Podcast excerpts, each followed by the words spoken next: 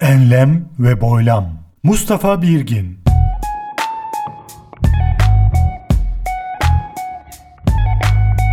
Enlem ve Boylam 170 Ekim 2022 Başladı. Hoş geldiniz. Hello dear listeners.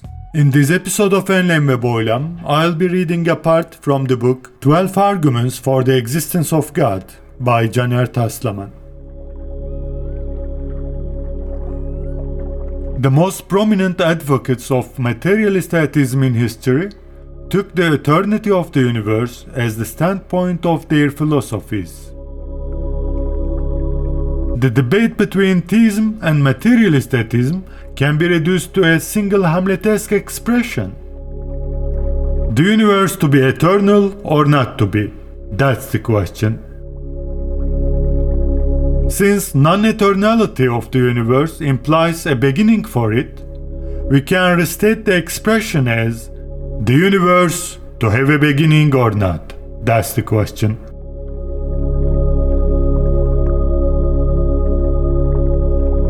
Attributing a beginning to the universe separates theism not only from materialist atheism but also from Hinduism, Taoism, and the philosophies of ancient Greece. The idea of restricting the power of God or considering a universe independent from the God's creation are unacceptable in theism.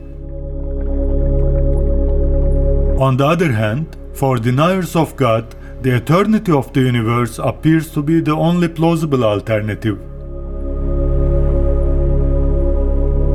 In addition to this, as a notable supporter of agnosticism, Kant stated that whether the universe has a beginning or not cannot be falsified or proven, and therefore it is impossible to establish a rational cosmology.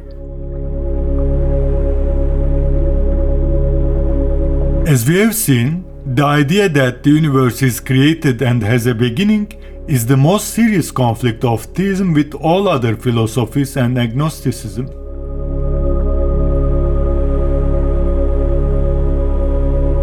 Prior to the 19th century, discussions on this issue were solely based on philosophical arguments.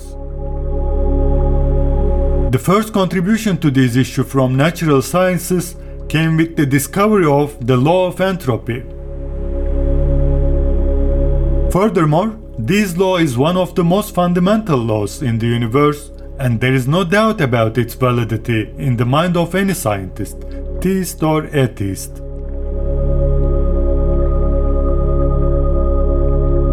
Also known as the second law of thermodynamics, the law of entropy was established chiefly by the work of Rudolf Clausius in the second half of the 19th century.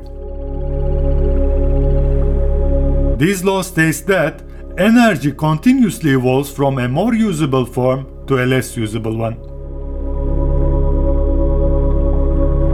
In other words, the disorder in the universe always increases, and this is a non reversible, unidirectional process.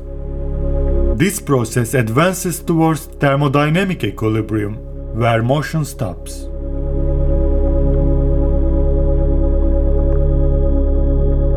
All unidirectional processes are an indication of an ending.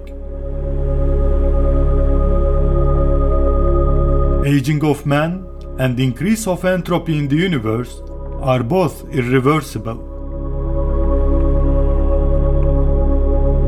We have the fact established that, according to the law of entropy, the disorder in the universe continuously increases, and as these increase cannot go on forever, the universe must eventually come to an end. This conclusion also implies that the universe must have a beginning. This can be elucidated as follows 1. The entropy in the universe increases continuously and irreversibly.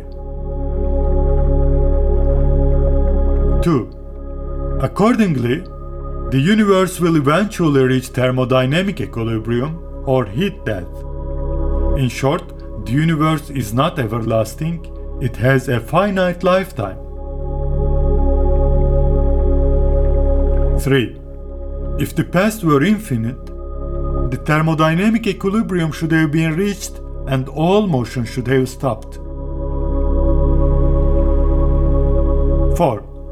We witness that motion still continues. 5. As a result, the universe cannot be eternal. The universe must have a beginning.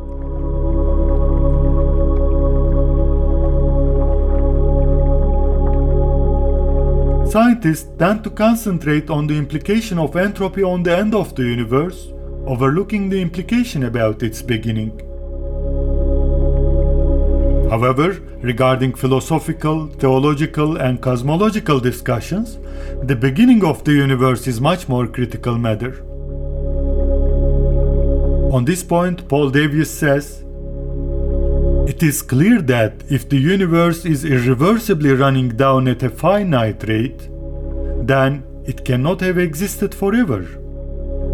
The reason is simple. If the universe were infinitely old, it would have died already. Something that runs down at a finite rate obviously cannot have existed for eternity. In other words, the universe must have come into existence a finite time ago.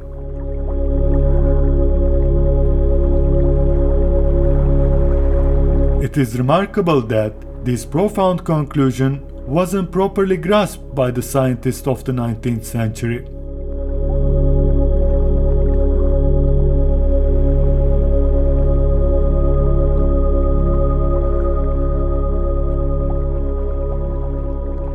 www.mbirgin.com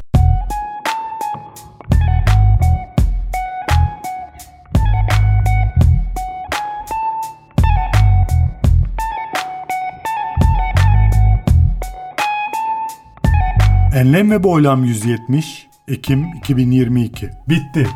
Esen kalınız. Enlem ve boylam Mustafa Birgin